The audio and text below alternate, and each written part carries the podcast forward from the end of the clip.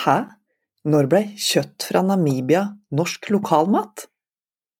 I dag er det 28. mars, og jeg heter Anne Ekornholmen. Råvarer som har reist 13 000 km, kan aldri bli norsk lokalmat.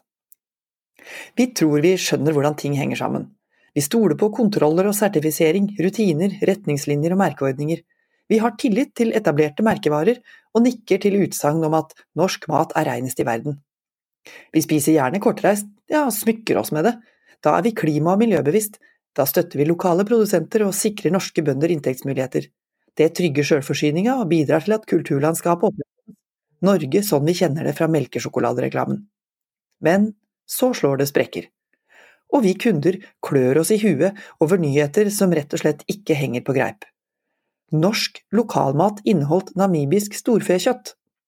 Det ser komisk ut, som en feil, men er egentlig verre enn som så. Flere titalls tonn fryst storfekjøtt importert til Norge fra Namibia kan ha inneholdt salmonella. Uten at det ble oppdaga, er råvarer fra to konteinere gått med til å produsere annet spekemat og kebab her hjemme, og blitt solgt til forbrukere over store deler av landet. Når Nortura i januar hadde 4,8 millioner kilo norsk storfekjøtt på overskuddslager, vil mange reagere allerede her.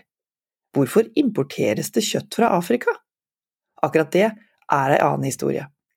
Så kommer spørsmålet om hvorfor salmonellabakterien blei oppdaga så seint, og fikk spre seg til Østlandet, Vest- og Sørlandet gjennom mange ulike produkter. Og så kommer det merkeligste, at namibisk kjøtt kan bli stempla lokalmat. Et av vår tids virkelige buzzord, et hedersmerke, et begrep som produsent, leverandør og salgsledd bruker for alt det er verdt, bokstavelig talt, fordi de veit hva kundens assosiasjoner er. Vi ser for oss griser på tunet, småskalaproduksjon og idyll. Vi ser for oss frittgående kyr med egennavn og bønder som rusler på åkeren med strå i munnviken. Det bildet er verdt mye penger. Emballasjen og ingredienslista til produktene fra Pers kjøkken i Sandefjord sier ingenting om hvor råvarene i røkt salami og fårepølse kommer fra. Sier ikke at det er 100% norsk kortreist kjøtt, men heller ikke det motsatte, at det er ispedd langreist kjøtt fra Afrika 13 000 km unna. Lokalmat, står det, med store bokstaver, og håndlaget. Selektiv informasjon der, altså, og de er ikke de eneste. Antagelig. Hvem veit egentlig? Ikke vi forbrukere, i hvert fall. Det er kjipt å være Pers kjøkken akkurat nå. De trekker tilbake et halvt tonn spekematprodukter og må ta en støyt her, sammen med importøren GPS Food Group Norway og kjøperen Fatland. Vi vil ta en gjennomgang nå i ettertid og vurdere hvordan vi for fremtiden skal deklarere våre produkter, skriver daglig leder Tore Sørensen. Det må de, på vegne av andre lokalmatprodusenter også. For det tar et liv å bygge opp tillit, og et sekund å bryte den ned. Vi har godt inntrykk av merkevarer som Tine, Felleskjøpet og Nortura. Vi tror på bonden, og ikke minst på småskalaprodusenter på lokalt nivå. Nordmenns tiltro til norske matprodusenter er svært høy. Men så begynner vi jo å tvile.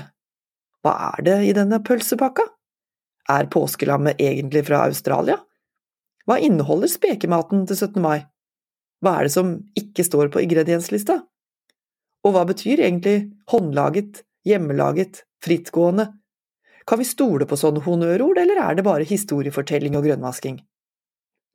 Det er langt unna hva vi definerer som lokalmat, sier Nina Sundquist, som leder stiftelsen Norsk Mat, om den aktuelle spekematen fra Pers kjøkken. Det blir en omdømmetrøkk, som de nok kan riste av seg, og det eneste botemiddelet er å være åpen, informere og forklare. Nå er det i utgangspunktet ikke noe feil med afrikansk kjøtt, men det bør i størst mulig grad komme til nytte på eget kontinent, av både miljø, klima og sjølforsyningshensyn, og i dette tilfellet med salmonellaspredning, også av helsemessige årsaker. Import og eksport av mat og råvarer krever mye av alle parter. Av produsenter, transportører, kontrollører, mattilsyn og toll. Av regelverk og retningslinjer, internasjonale standarder, av selger og markedsfører. Det minste vi som forbrukere må kunne forlange, er informasjon. For eksempel om at kjøttpåleggsproduksjon faktisk foregår på denne måten. At en vare som er stempla Norge som opprinnelsesland, betyr strengt tatt bare at det er her i Norge varen sist blei vesentlig bearbeida. Når fryst namibisk storfekjøtt blir tint og blanda sammen med andre ingredienser før det kvernes og røykes, da skjer det så mye med produktet her hjemme at man kan argumentere for at produktet er norsk. Forstå det den som vil, eller krev å få det endra, men lokalmat er det i alle fall ikke. Jeg heter Anne Ekornholmen, og nå har du hørt Nasjonen på øret. Hvis du vil ha flere kommentarer på lyd, finner du dem på nasjonen.no, eller der du hører dine podkast. Ha en god dag!